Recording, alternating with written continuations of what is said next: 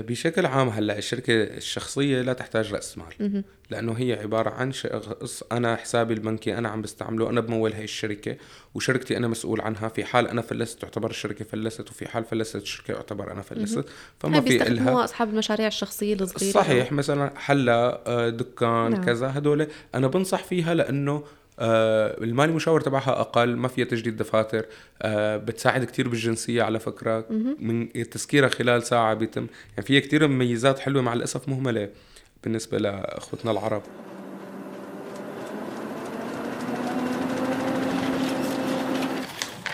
عنب بلدي بودكاست.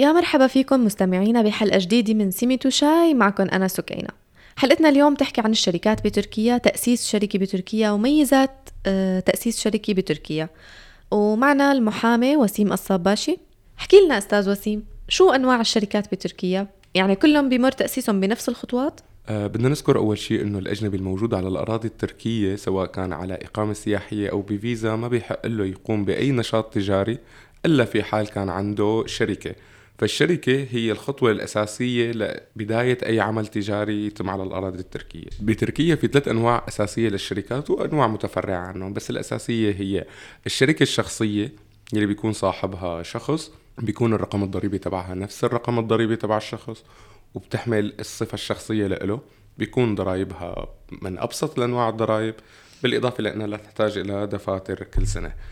النوع الثاني من الضر... الشركات هي شركات ذات المسؤولية المحدودة يلي هي زالمي معين بسوريا كانت موجودة أو بكل الدول العربية. صحيح. الشركات ذات المسؤولية المحدودة هي أغلب الناس عم ترغب أنها تفتحها بتركيا. الهدف أنه هاي الشركات بتتميز أن بحق لها تفتح عدة أفرع وخمس نشاطات فما فوق بهي الشركة. وبحق لها أنه تتملك عقار. الفرق بين الشخصية والليمتد شركة هي الشخصية بتكون نفسها شركة أجنبية باسم ورقم الوطني للشخص الأجنبي أما الشركة ذات المسؤولية المحدودة فبتكون تتمتع بالشخصية الاعتبارية التركية. يعني لو قلنا أنه هي الشركة صاحبها أجنبي ولكن هي طالما ذات مسؤولية محدودة فهي الجنسية الشركة تركية وبتتمتع بالشخصية الاعتبارية بتتميز بنفس ميزات الشخص الأجنبي وبتحق لها تعمل قروض وبحق لها تتملك عقارات وسيارات إلى ما هنالك. النوع الثالث من جيد. الشركات هو الشركات الأونينون تمام؟ هي من الشركات المساهمة المخفلة واللي بتتألف من عدد كبير من الشركاء يفوق الخمس أشخاص ورأس مال يبدأ من أكثر من مئة ألف ليرة. طبعا هذا النوع من الشركات بيكون بس للبنوك للجمعيات السكنية اللي بتتمتع انه أنا بدي أشتري أرض بدي أبني عليها مثلا 400 شقة. هي الشقة أنا كيف بدي أضمن حقوق الناس؟ يلي نشاطاتها كبيرة. نشاطاتها كبيرة مثل المشافي مثل الشركات الأبنية مثل آه، عندك البيم والماركت هدول الكبار. عندك كمان من الشركات المشهورة هن البنوك. هلأ حتى البنك إذا شخص أجنبي بده يفتح هون بنك فهو مجبر إنه يفوت على آه، شيء اسمه أنينون شركت بالإضافة ل موضوع التداول بالعملات الرقمية وأي شيء له علاقة بالصرافة ومن هذا المبدأ فهو حصرا لازم يكون عنده أنينون شركة. هي الشركة بتحسيها مهملة مع الأسف بالأوساط الأجنبية بالأراضي التركية. يعني ما عندهم أي معلومة عنها ولكن هي الشركات تتمتع إذا بدنا نعمل نشاط تجاري كبير أو مثلا في ضرورة لحتى ينفتح عدد هائل مثلا من الأقسام والموظفين وكذا فهو الأنسب.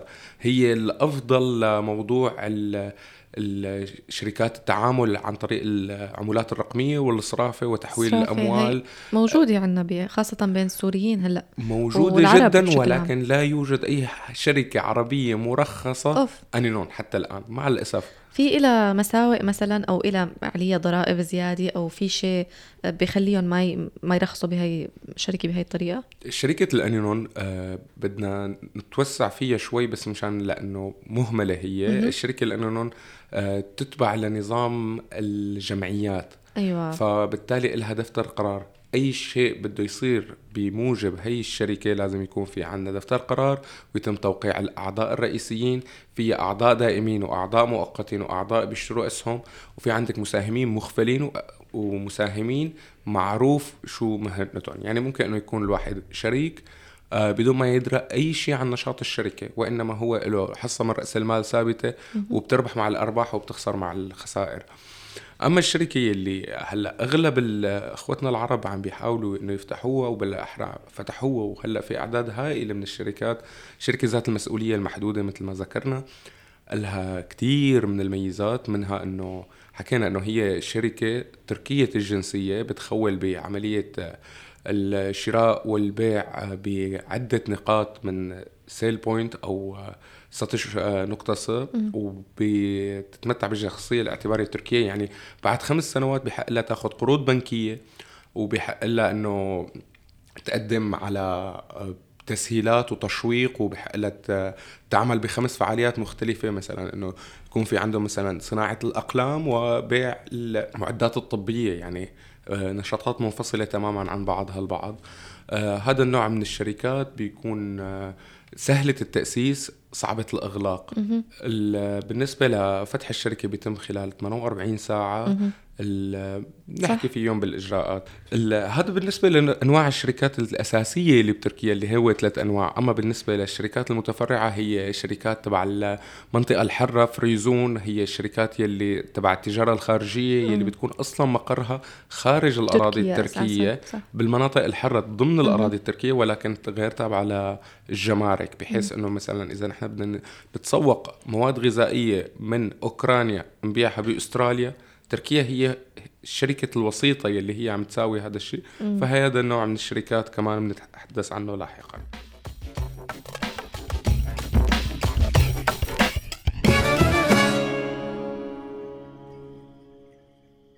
طيب آه شو هلا كل الشركات إلى كل شركة لها ميزات معينة بيرغبوا لها اللي بيأسسوا الشركات. شو ميزات كل شركة لحالها؟ شو الميزات اللي بتخلي الناس تأسس هاي الشركة؟ هلا إذا بدنا نحكي كل وحدة شو ميزتها الشركة الشخصية إنها ما بتكلف ما بتكلف مبالغ كبيرة. كبيرة. وإنما هي مجرد تكليف ضريبي بسيط. مزبوط. آه بالإضافة للضريبة الشهرية وطبعا هلأ رح نحكي بأنواع الضرائب بتركيا. بالإضافة المالي مشاور تبعها مخصص له بس إنه يقدم البيان بآخر الشهر بإدخالات وإخراجات هذا هي الموضوع. غالبا عم بيستخدموها. هي ممكن يتملكوا على أساسها بيت لا مع الأسف ما بتتملك العقارات. أو عقار. بالإضافة إنه ما في لها تجديد دفاتر كل سنة. مم. بيتم إغلاقها خلال ساعة واحدة. أيوة. المطلوب لها بس رقم TC 99 بالإضافة لعقد الإيجار ما بدها أيوة. أكثر من هيك. وبيطلع على اساسها إذن عمل أو بيطلع عليها إذن آه عمل و... ولكن على الإقامة السياحية بده يكون موظف خمس عمالات أيوة. أتراك. الموضوع الشركة الثانية اللي هي ذات مسؤولية محدودة أو ال limited şirket فيها ميزات أعلى مثل ما ذكرنا. بتخولك العمل بخمس نشاطات مختلفة بحق لك تفتحي أكثر من فرع بعدد بجميع المحافظات التركية فتح حساب بنكي باسم الشركة كل عملات العالم بدون ما تأثر على المال الشخصي. آه مثل ما حكينا أنه هي بحق لها تتملك عقارات وسيارات يعني حتى لما بتسجل السيارة على اسم الشركة بتطلع نمرتها آه باسم الشركة. باسم الشركة يعني كنمرة تركية وليس يابانجي. بالإضافة لأنه إذا في حال صار مشكلة على الشركة ما بتشمل أموال الشخصية أفراد. للأفراد. م-م. مثل ما حكينا ذات مسؤولية محدودة وإنما كل واحد مسؤول حسب القيمه السهمية اللي له. هي بتتكون من 100 سهم. آه رأس المال تبعها يعني يبتدئ من ممكن آه تبدأ من 10000 لا ما شاء الله كمان هلأ بنحكي عن موضوع آه الضرائب تقسم على الأشخاص؟ اللي مساهمين. الضرائب هي اللي مو مساهمين هن شركاء شركاء. أما الشركة المساهمة اللي هلأ رح نحكي عنها هي لما بيكون في عندنا أكثر من خمس شركاء وفعاليات أكثر من خمس فعاليات وبهالحالة مضطر إنه بعض الأفراد تحط رأس المال بعض الأفراد تقدم الإدارة بعض الأفراد إنها تقدم الجهد بعض الأفراد يعني مثل ما حكينا إنه آه، مثلا تشارك عدد كبير من الأطباء فتحوا مشفى تشارك عدد م- كبير من المستثمرين فتحوا بنك أو تشارك عدد كبير نشاط ش... نشاط من نوع واحد لا طبي أكثر أو... من 30 نشاط بحق آه. لك بنفس الوقت بنفس الوقت حلو. لأنه هي مساهمة مخفلة تمام هذا النوع من الشركات كان كتير مشهور بسوريا بالنسبة لموضوع الشركات الكبيرة. تمام؟ وبالنسبة للضرائب هلأ بنحكي عنها الضرائب كل واحدة فيهم.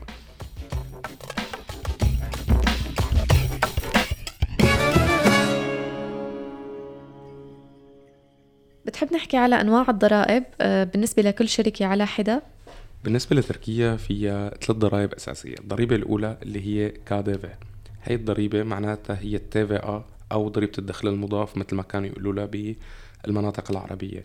هي على أغلب السلع بتكون 18% ولكن هلأ مثلا الدولة عاملة على الأغذية فقط 1% مشان تخفض الأسعار. بالنسبة للألبسة 8% بالنسبة للأدوية 22% تمام؟ فبتختلف من السلعة لأخرى. هلأ بنفس الموضوع هذا الكذبة آه له طريقة لحتى نشتغل فيها. هي انت آه جبتي دفعتي فاتورة فبيطلع لك إنه سعر المواد اللي اشتريتيهم هلا تحت منها زائد كاديفي 18 أو 8 أو 1% تمام؟ بتزيد على الفاتورة بتدفع إياها. هلأ هن قبضوها بيدفعوها لمديرية الضرائب. وإذا انت صدرتي البضاعة خارج الأراضي التركية هدول الكادفية اللي أنت دفعتيهم بيرجعوا لك. آه. فهي ضريبة دخل مضاف في حال أنت كنت آه انعملت هي الضريبة من أكثر من آه 100 سنة الهدف منها أنه تصدر البضائع التركية إلى خارج, خارج تركيا, تركيا. وبنفس الوقت أنه في ضرائب مثلا ما يكون فيها تخلف ضريبي أو تهرب ضريبي فينا نقول مباشرة هي الدولة بتقوم تقتطع هذا الشيء من المستهلك الأخير. المستهلك الأخير بيعطيها لل المستهلك اللي قبل منه فاللي قبله فاللي قبله فالمعمل فالمواد الأولية المستوردة. من تركيا. فهي هي الضريبة بتندفع مرة واحدة من المستهلك النهائي واللي قبله بيدفع عليه اللي قبله. الضريبة الثانية اللي هي ضريبة اسمها جيلر. ضريبة الجيلر اللي هي ضريبة بتحكي عن موضوع ضريبة ربح. رح أعطيك مثال. إذا نحن اشترينا هذا القلم ب 100 ليره وبعناها ب 110 ليرات الربح الصافي عنا قد إيه؟ 10 تمام. نحن بندفع ضريبة على الربح الصافي. أيوه. يعني في أشخاص بتقول لك إنه أنا مثلا اشتريته ب 100 وبعته ب 100 هذا الكلام بتركيا مرفوض. الدولة بتحط آه أبسط شيء ساعتها إنه الربح خلينا نقول 30% وبتدفع ضريبة على 30% مم. فبالتالي في عندك ضريبة اسمها جيلر هي بتكون بين 18 ل 22% حسب السلعة يلي عم تنباع. هي إجباري بدها تندفع للدولة. هي الضريبة بعد ما مثلا أنا ربحت بطوال السنة خلينا نقول مئة ألف.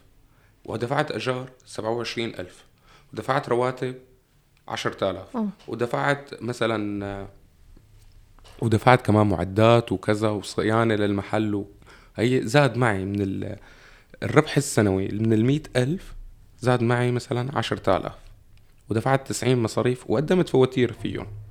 فبالتالي العشرة آلاف هي فقط اللي بدفع عليها الضريبة اللي هي ضريبة الدخل السنوي. هل أغلب الناس لما عم بيأسسوا الشركات عم يهملوا هذا الموضوع أو المالي مشاور تبعهم كونه بتحكي بغير اللغة تبعهم عم بيصير إهمال لهذا الموضوع. بعد سنتين ثلاثة بيتصلوا فيك الضرائب بيقولوا لك أنت عليك 30 40 ألف. هلأ مع الأسف إعلانات على الإنترنت بتلاقي إنه بنأسس لك شركة ب 3000 ليرة بنعمل لك شركة ب 5000 ليرة ومن هذا الحكي. أنا مع ولكن إذا ما كنت فهمان موضوع الضريبة بشكل صحيح المشكلة لعد الشركة تتسكر والشركة انت بصير عليها ضرائب كتير. تدفع عليها ما بيحق لك تفتح نشاط تجاري تاني. وإذا بدك تبيعها بده يطلع ضريبة عليك وعلى هداك الشخص. صحيح. مشكلة الشركات إذا ما كان حدا مختص فيهم عم بيكون فيها صعوبة. مزبوط. والمالي مشاور ما بيعم يحكي لغتكم فأنا بفضل إنكم تروحوا عند مالي مشاور بيحكي لغتكم أو تكون معك مترجم. طيب الضريبة الثالثة اللي طبعا المالي مشاور هو ضرورة من ضرورات أي شركة. أي شركة لحتى تتأسس لازم يتم تعيين مشاور مالي لإلها بشكل إجباري وإلزامي. وطبعا كل سنة بينزل ليستا عن أدنى الأجر اللي لازم ياخذه المالي مشاور. يعني بيقولوا لك في عالم بتاخذ 300 في عالم تاخذ 1500 شو الفرق؟ هي في ليستا معينة بتنزل من عند الدولة إنه لهي السنة المالي مشاور لازم هالقد يكون. إذا عمل أشغال إضافية لازم تعطوه هالقد. هذا أدنى الأجر. فيه ياخذ أكثر ما لازم ياخذ أقل. طيب الدولة حاطة لهي السنة مثلا 750 761 ليرة للمالي مشاور تمام. كيف في مالي مشاور عم ياخذ 300 هذا المالي مشاور لشركة ذات مسؤولية محدودة عم بيقدم فقط البيان فهو بتوفي معه. طيب. لأنه هو بده يدفع على هي الضريبة تقريبا 61 ليرة والباقي ما بس بيقدم البيان. أما كمهام المالي مشاور وأنا هي الجملة دائما بقولها أنت إذا عندك مالي مشاور فهو لازم يشتغل لك أربع شغلات. هدول الأربع شغلات إذا تأثر فيهم أنت اللي رح تاكلها ما هو. مم. المالي مشاور واجبه توظيف العمال بالسجكه وفصلهم وأخذ الإجازات تبعاتهم. اثنين متابعة اثنين تقديم البيان. ثلاثة البيان اللي هو قديش عملت دخل وقديش عملت خرج وبيعطيك شيء اسمه. بالضبط هذا الربح. لازم انت تزوده بالفواتير وبالفواتير بعد ما تنحط بالفواتير مثلا إنه هيك دخلك وهيك بسوي لك البيان تبع كل شهر وكل ثلاثة أشهر وكل ستة أشهر والبيان الختامي بآخر السنة. المهمة الثالثة واللي هي آه، جدا مهمة موضوع مسك الدفاتر. الدفاتر الدفاتر اللي هي حسابات. لكل شركة في لها ست دفاتر. بتبدأ من دفتر القرار اللي هو كل ما صار بالشركة شيء محدث لازم يتسجل فيه لدف... pay defteri يوميه defteri. ست دفاتر لازم مسؤولية المالي المشاور بتنظيم الد... الدوام الشركة. والشركة. و... تماما. في حال ما تنظم هذا من قبل المالي مشاور تبعك أنت اللي رح تتحاسب مال مالي مشاور بدك تكون كتير متفق معه ومأكد عليه إنه هي الدفاتر لا تضيع. لأنه حتى ضياعها ممكن تصل غرامه ضياع دفتر القرار لل 54 ألف ليرة مم. كان لعام 2021 هلأ 2022 يمكن أكثر صارت المهمة الرابعة المهمة الرابعة للمالي مشاور اللي هي تجديد الدفاتر تمام وتقديم البيان الختامي لآخر كل سنة. في حال تخلف عن هدول الأربع وظائف فهو رح ياخذ منك أقل من التعرفه بس بالتالي حيحقق لك ضرر جدا كبير. لهيك أنا بنصح إنه تتابعوا معه هدول الأربع وظائف لهم حتى انتهاء العقد معه.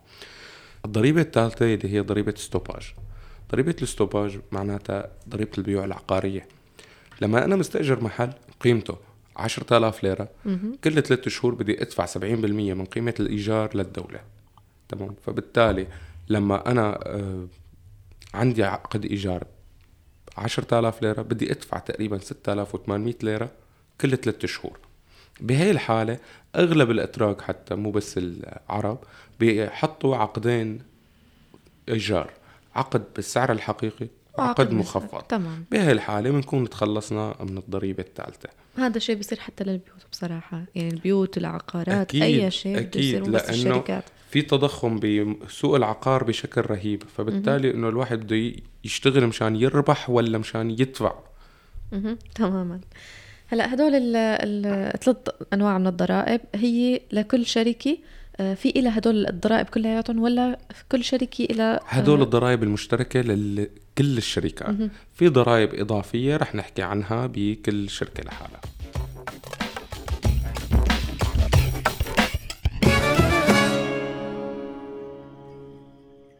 بلشنا بخطوات آه، تأسيس الشركة آه، من الأول شو شو أول شيء بنبلش فيه لما بدنا نأسس شركة اخترنا نوع الشركة آه، اخترنا ال müşavir عيناه بعدين شو رح نعمل؟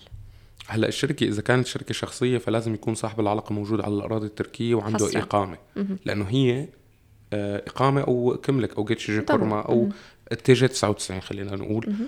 الشركة الشخصية من اسمها شخصية فلازم يكون صاحب العلاقة هو القائم على العمل وهو اللي عم يشتغل بإيده. فبالتالي لازم يكون هو موجود عنده إقامة في مقر للشركة. بالنسبة للشركة ذات المسؤولية المحدودة هي لازم يكون في عنا وكالة من صاحب العلاقة إذا كان مالك وجود الشخصي إذا كان مدير ولازم يكون في عنا مقر للشركة أربع صور شخصية اسم للشركة قيمة رأس المال للشركة؟ هون لازم تكون الشركة آه، إلى موقع. طبعا. هلأ الشركة لحتى أي شركة لازم يكون لها مقر. مقر الشركة تستلم عليه التبليغات أو تصدر منه التبليغات لحتى هي. فكمان من الوراء المطلوبة لتأسيس هاي الشركة آه، تحديد فعاليات الشركة. بالكودات اللي حاططها غرفة التجارة بالإضافة لاسم ثابت للشركة لأنه هي الشركة لها اسم منفصل عن الشركاء. لازم يكون لها مثل ما حكينا رأس مال محدد خلال سنتين لازم يكونوا محققين لرأس المال. هلأ رح نحكي عنه. آه، بالإضافة لأربع صور شخصية توقيع الشركاء واعتماد مدير لهي الشركة. هي الشركة لازم يكون تعيين مدير لها سواء كانت فرد أو عدة أفراد. إذا كانت فرد تسمى مؤسسة وإذا كانت عدة أفراد تسمى شركة. بالنسبة لشركة الأنينون كمان نفس الموجودات لشركة الليمتد شركة اللي هن المقر التوقيع الصور الشخصية الفعاليات رأس المال محدد آه، عقد تأسيسي للشركة. بالإضافة لها عقد خارجي بيتحكم إنه شو مسؤولية الشركاء المساهمين أو المخفلين أو الفاعلين بهي الشركة. هو هون شو الأوراق والمستندات اللي لازمه يعني هون بدنا إقامة موقع مقر الشركة بدنا نحدد الأفراد. لا الشركة ذات مسؤولية محدودة أو المساهم المخبر أيوة لا تحتاج إلى إقامة أو لكم فقط آه جواز سفر هي فقط جواز سفر. صحيح. أما الشركة الشخصية فمن اسمها شخصية لازم يكون عنده تيجي. إقامة وعنده أموره نظاميه هلا بالنسبة لتأسيس الشركة بتركيا على قد ما بسيط على قد ما صعب لأنه الخطأ فيها عم بيكلف مصاري مخيفة. هلأ آلية تأسيس الشركة بعد ما بيتم شراء الاسم وتحديده آه، بيتم تجهيز العقد الأساسي للشركة. طبعا باللغة التركية بما يتناسب معها تحديد الفعاليات وتحديد كل شيء بده يكون بهذا العقد. بنجهز العقد الأساسي وبيتم رفعه على المرسيسي اللي هو الموقع الخاص بغرفة التجارة. غرفة التجارة هون بعد ما نعبي جميع الإجراءات ونحط العقد التأسيسي والأسماء الشركاء ومعلوماتهم والأرقام الضريبية وكل شيء بالنسبة لهم رح يعطونا موعد. بناخذ هدول الأوراق اللي رح يعطينا إياهم السيستم وبنروح على غرفة التجارة. بنصدقهم وبناخذ عقد نظامي من عندهم بالإضافة إلى تسجيل الشركة بيتم تسجيلها آه، بغرفة التجارة؟ بغرفة التجارة أصولا. خلال ثلاثة لسبعة أيام بتنزل بالجريدة الرسمية. لتركيا في صحيفة رسمية مختصة بموضوع مزبوط. الشركات. فال بتم تسجيل إلى موقع إلكتروني كمان صح. طبعا طبعا. م- هي الصحيفة الرسمية بينزل عليها شو ما صار إجراءات بالشركة سواء تغيير اسم صاحبها م- أو بيعها أو شرائها أو تأجيرها أو إغلاقها أو إفلاسها أو تسليمها أو فتحها أو إغلاقها أو نقل المقر تبعها. كل شيء بده يصير لازم يتحقق إعلانه على الموقع. هذا هلأ بعد ما بنخلص هدول الإجراءات صار عندنا الأوراق بنروح الشركاء بعينوا عند النوتر اللي هو الكاتب بالعدل مين اللي بده يكون المدير؟ بيطلع للشركة شيء اسمه توقيع إلكتروني. هذا التوقيع بيكون توقيع أحد الأفراد مشان يكون عنده هو صلاحيات التوقيع عن الشركة. يعني مثل ما حكينا فينا نعتبر الشركة هي طفل تركي. الوصي عليه هو صاحبها بتوقيعه له فيه يحركها. يعني الشركاء لما بيتشاركوا بيفتحوا شركة هي عبارة عن تشكيل عائلة تجارية. هي الشركة هي بنتهم آه بيربحوها بتربحهم بخسروها وبتخسرهم. بترقتهم وبيرتوها لأنه هي شخص منفصل حتى حساباته البنكية منفصل عنهم بشكل كامل. صحيح. آه ممكن إنه يكون صاحب العلاقة مفلس والشركة فيها مليارات ممكن العكس شركة فيها مليار. حتى الضرائب لما بتجي بتجي باسم الشركة باسم مو باسم الشركة. الشخص. فلما كثير صادفنا ناس مثلا أنا اشتريت شركة تمام؟ هي الشركة طيب انت لما اشتريتها شو عليها ديون؟ شو عليها مشاكل؟ انت لما بتشتري الشركة بتشتريها بأرباحها وبخسائرها. بتشتريها بالديون يلي عليها وبتشتريها بالمصاري يلي لها آه ممكن إنه يكون صاحب الشركة صاحب قرض على الشركة ويقول لك تفضل استلم. انت استلمت الشركة من هون عليك, عليك تسديد القرض, القرض لأنه مم. هذا باسم الشركة يلي هي ذات مسؤولية محدودة. انت كصاحب الشركة انت اللي حتسدد. صحيح.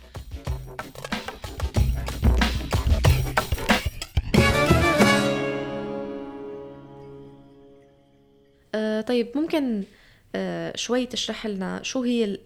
شو هي الشروط اللي بيتضمنها العقد التأسيسي للشركة؟ آه، شوي تفاصيل بس أكثر العقد الأساسي ببلش من عنوان الشركة اللي هو اسم الشركة. فهذا اسمه؟ اسم الشركة مثلا وليكن آه، إذا بيسمحوا لنا الرقابة مثلا شركة سوني. أيوة. تمام؟ شركة سوني. في عندها سوني برافيا سوني إريكسون سوني لا تلفزيونات سوني للغسالات لكل وحدة في لها brand. ولكن الشركة الأساسية هي السوني سوني. تمام؟ فهي بينحط إنه مثلا هذه الشركة اسمها سوني. تمام؟ آه طبعا لكل شركة لها اسم بيكون في عندها فعالية وصفتها. يعني مم. هي الشركة اسمها سوني dış ticaret limited şirketi. تمام؟ أو anonim şirketi. تمام؟ إنه أيوه. في لها فعالية هاي الصفة من الصفات من أنواع الشركات اللي حكينا عنها بالضبط. الخطوة اللي بعد منها أسماء الشركاء ومعلوماتهم ومواصفاتهم عنوان سكنهم جوات القطر وبرات القطر في حالة توفى أحد الشركاء هذا المال لأي بلد بيروح؟ حساباتهم البنكية. طبعا بينذكر فيها. الخطوة اللي بعد منها فعاليات الشركة. الشركة فعاليات الشركة الشركة شو بحق لها تشتغل؟ هل هي داخلية خارجية؟ داخلية خارجية أو صناعية ولا تجارية مم. ولا بدها آه، تصنع أو بدها لمين بحق لها تبيع داخل القطر أو خارج القطر آه، بحق لها تأجر سيارات أو بحق لها كثير آه، تفاصيل بهذا الشيء. بيرجع الخطوه اللي بعدها مين المدير آه، مين يلي بحق له يخول قديش مدة العقد تبع الإدارة فيها. كثير تفاصيل ممكن إنه مع الأسف هلأ في شركات بتأسس شركة بيعطوني العقد التأسيسي تبعهم صفحة واحدة. يعني صدقا إنه بهي الحالة بيكون المكلف الضريبي مهمل حقه بشكل فظيع. لأنه لما أنت بدك تعمل عقد تأسيسي أنا بنصح إنه دائما يكون عند محامي لأنه المحامي ما راح يغفل لك عن أي شغلة. في حال مثلا صار زلزال وتعرضت لكارثة طبيعية هذا المال لمين يقول؟ في حال احترقت البضائع لمين بحق له؟ مين الورثة؟ في حال وفاة أحد الشركاء. هل بحق لك أنت كشريكة تبيعي لشخص آخر بدون علم بقية الشركاء؟ في حال عملتي هيك فيني وقف البيع؟ ما فيني وقف البيع. في حال انت رحتي مولتي الشركة هاي شروط كلها بتتحدد كلها فينا نحددها. دائما بكل عقد تأسيسي لازم تكون موجودة. مه. في حال مثلا أحد الشركاء مول الشركة مثلا بعدة ملايين طيب بقيه الشركاء كبرت اسهمهم ولا صغرت ولا تحددت ولا هي الشركة عم تكبر وتكبر قيمة السهم تبعهم؟ هذا كلياته لازم ينحل مع المحامي قبل تأسيس الشركة. لأنه مع الأيام بتظهر قبل ما يكون في تحقيقات أو كذا أو, أو مثلا ارشترما من مديرية غرفة التجارة طبعا ما حتظهر مشاكل رح تكمل إجراءاتك بشكل طبيعي. م. بس لما بتبلش المشاكل إذا أنت مانك حافظ حقك الدولة ما حتحفظ لك حقك. صحيح. آه طيب حكينا على رأس المال. في رأس مال لازم يكون للشركة لازم تحققه خلال مدة محددة. آه شو الحد الأدنى لرأس المال لأي شركة؟ آه، بشكل عام هلا الشركة الشخصية لا تحتاج رأس مال. لأنه هي عبارة عن شخص أنا حسابي البنكي أنا عم بستعمله أنا بمول هي الشركة وشركتي أنا مسؤول عنها في حال أنا فلست تعتبر الشركة فلست وفي حال فلست الشركة اعتبر أنا فلست فما في لها أصحاب المشاريع الشخصية الصغيرة. صحيح مثلا حلا آه، دكان نعم. كذا هدول أنا بنصح فيها لأنه آه المالي مشاور تبعها أقل ما فيها تجديد دفاتر آه بتساعد كتير بالجنسية على فكرة من تسكيرها خلال ساعة بيتم. يعني فيها كتير مميزات حلوة مع الأسف مهملة. بالنسبة لأخوتنا العرب. بالنسبة للشركات ذات المسؤولية المحدودية والانيون شركات هلأ ذات مسؤولية محدودة بتبلش من 10000 ليرة تركية. خلال سنتين لازم نودع رأس المال نحققه. هلأ شو يعني رأس مال؟ يعني مثلا أنا اتفقت أنا وياك بدنا نفتح شركة. هي الشركة بدي أشتري أنا تجهيزات لها كمبيوترات ميكروفونات. إيه، فإذا أنا جيت جبت هذا المصاري واشتريت الميكروفونات الميكروفونات صاروا والمقر ودفعت الإيجارات هدول لمين؟ لإلي طب وإذا أنت دفعتيهم فهن لإلك طب نحن كيف عم نتشارك فالدولة بتقول لك أنتم أسسوا هي الشركة بيجي أنا وياكي أنا بدفع حصة وأنت بتدفعي حصة بنحطهم بحساب هي الشركة. الشركة بتروح بتشتري هدول الميكروفونات فالدولة بتيجي بتعطيكم تخفيض كونكم أنتم تشاركتوا عم تقوموا بنشاط تجاري أيوة. بتعطيكي شيء اسمه قانون التشويق. فبتشتري المعدات والآليات وكذا بإعفاء ضريبي جزئي أو كامل وحتى مرات تم إعفاء جمركي إذا كانت بضاعه من الخارج نعم. بالإضافة لتسهيلات بنكية ممكن الدولة تعطيك قرض بحيث إنه يستكمل رأس المال خلال سنتين فأنت بحق لك تدخلي بنفس القيمة المصرح عليها في العقد التأسيسي. تمام.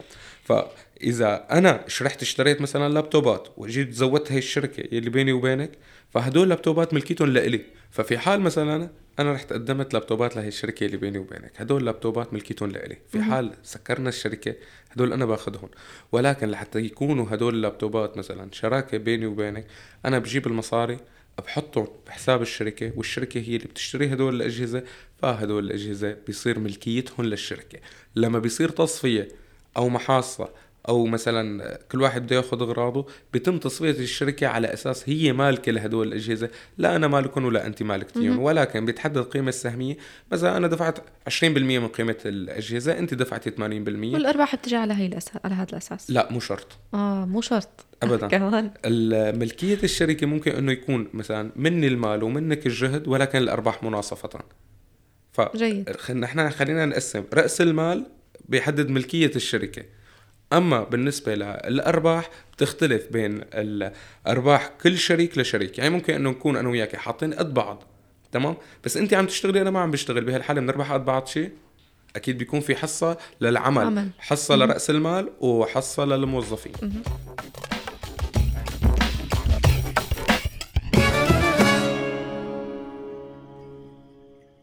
آه طيب حكينا على العنوان تبع الشركة ممكن يكون هذا العنوان افتراضي؟ لكل شركة لحتى تتأسس سواء كانت ذات مسؤولية محدودة أو مساهمة مخفلة أو أني نوع أو شركة خارجية أو شركة ذات مسؤولية محدودة يجب ويجب ويجب أن يكون لها مقر من أجل الحصول على التبليغات. ولازم يجوا عليها كشف من اليوكلمة من مديرية الضرائب لحتى يحددوا أنه هي الشركة بلشت عمل ما بلشت عمل. هل هي عم تقوم بنشاطها أو أفلست؟ هل هي عم بيكون فيها موظفين أو لا؟ هل هي عقود الإيجار تبعها نظامية أو لا؟ فإذا ما كان في مكان حقيقي ممكن أنه يكون في شيء اسمه virtual office ال virtual office هو مثل ما نعرف آه، أغلب الناس اللي مشاهدينا أو اللي عم يستمعوا لنا هلأ بيعرفوا ال virtual office من أيام سوريا أو الإمارات أو دول الخليج. ال virtual office هو عبارة عن مكتب هذا المكتب بيضم عدة شركات. فبينادوا له باللغة التركية sanal ofis هذا المكتب بيكون لعدة شركات وكلياتهم مسؤول عنهم موظف واحد. ففي حال إجوا تبليغات بتستلم السكرتيرة وبتخبر إنه هدول لشركة سوني مثلا. لشركة برافيا لشركة كذا. بهالحالة هي الشركة هيك بتكون آليتها. أه لما بنرخص شركة هون بتركيا بس ما بنشغلها وهيك في كتير ناس عم يعملوا هاي الحركة إنه نحن رخصنا شركة بس مشان ناخد إقامة عمل مثلا والشركة ما بتكون شخصية للأسف. آه، غالبا بتكون هي ذات مسؤولية محدودة. في كتير ناس استخدموا هاي الطريقة. آه، شو بيترتب على صاحب هاي الشركة؟ أو شو آه، شو صفتها قانونيا هون؟ أستاذة بدي أسألك سؤال. هلأ هن عم يعملوا هاي الشغلة مشان ياخذوا إقامة أو جنسية أو يتملكوا عقار؟ يتملكوا عقار صحيح. طيب نحن في حال عنا هاي الشركة ميزانها خاسر أيوة. هل الدولة التركية لها مصلحة تعطيهم إذن عمل؟ لا هل هي لها مصلحة تملكهم بيت؟ لا هل هي لها مصلحة إنه تعطيهم قروض؟ لا هل هي لها مصلحة تجنسهم؟ كمان لا فبالتالي نحن لما بدنا نعمل شركة ذات مسؤولية محدودة نعملها بس لتملك العقار م- أما إذا بدنا نعمل إذن عمل فقط لإذن العمل فهي شركة شخصية إذا كنا بدنا نعمل شغل لف... لمجال واحد وشعبة واحدة نعملها ذات شركة شخصية. في حال كان عندنا عدد من الافرع اللي بدنا نفتحها فنحن بنفتحها ذات مسؤولية محدودة. تمام. هلا امتلكنا عقار يعني هن بيرخصوا شركه بيمتلكوا العقار فيها. بس آه هون هون لما بتشوف الدولة أو إنه ما في شيء ما في شيء مادة ما في مصاري عم تتحرك ما في آه بضاعة ما في أي نشاط تجاري بهي الشركة.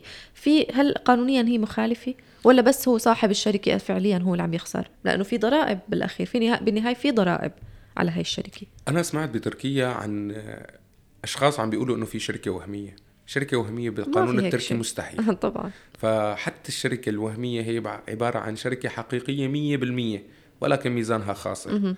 الشركة حتى لو ما كانت عم تعمل أي نشاط فهي عم بتقدم بيان بفاضي بدون حركة وإنما فقط عم يدفعوا من جيبتهم لل mali müşavir وللضرائب ولهالكذا. فنحن إذا عملنا شركة مشان نتملك عقار خلينا نقول إنه الشركة في لها مصاريف اللي هي راتب ال mali müşavir راتب المحامي إذا كان فيه محامي صحيح. آه الضريبة stopaj ضريبة gelir ضريبة KDV ال SGK ال SGK هلأ هي السنة رفعوها ل 1500 صحيح صارت كثير وخاصة إذا كان في أكثر من مدير للشركة أو أكثر من شخص صاحب الشركة كل شخص بيدفع لحاله أنا بعرف. فصار في عنا سبع ضرائب. سبع ضرائب. يعني في عندك وحدة بيناته 1500 انه ما فيك تعتبريها إنه 1000 ليرة. فبالتالي إذا بتستأجر بيت أرخص لك بكثير من إنك تتملك فعليا هو هذا اللي عم بيصير. يعني ف... عم يدفعوا مثله مثل إجار البيت. تماما. فنحن إذا بدنا نشتري كذا بيت لنا مصلحة إنه نفتح هاي الشركة. بس إذا بيت ما واحد. بدنا ندفع غير لبيت واحد صدقيني الأجار عم بيكون أرخص بكثير من هاي الشركة. صحيح مزبوط. طيب بيجي حدا بيقول لك أنا بدي أشتري عقار وبسجله باسم شركة رفيقي طب هذا رفيقك إذا مات هو حسن الورثة طبعا. الورثة منين بدهم يعطوك؟ صحيح. هل حيعطوك؟ بيسجلوا في منهم بيسجلوا ورقة آه، حق بحق الانتفاع آه، في حال وفاة حق الانتفاع يبقى مدى حياته يعني بس و... توفى المستفيد ورثته ما بيطلع لهم شيء. مع الأسف. فأنا ما برجح ابدا إنه يتم شراء العقار إلا إذا كان عدة عقارات ولشركه واحدة. وطبعا هي الشركة يكون الهدف منها تملك العقارات. ما تساوي فيها إشغال إلا إذا طبعا كنت محترف أعمال أو رائد أعمال لأنه في حال غلطت رح ينحط حجز أول شيء على البيت. صحيح. شركة وممتلكاتها فإذا أنت عندك شركة عليها البيوت لا تمارس فيها نشاط تجاري. كنصيحة نصيحة غير قانونية لأنه القانون بيقول لك إنه هي الشركة هي صاحبة العقار. صح. ولكن في حال أنت غلطت أي غلط بحكم إنك ما بتعرف القانون رح أول شيء عرض البيت للخطر. شكرا لك على هاي المعلومات أستاذ وسيم. يعطيك العافية. أهلا فيك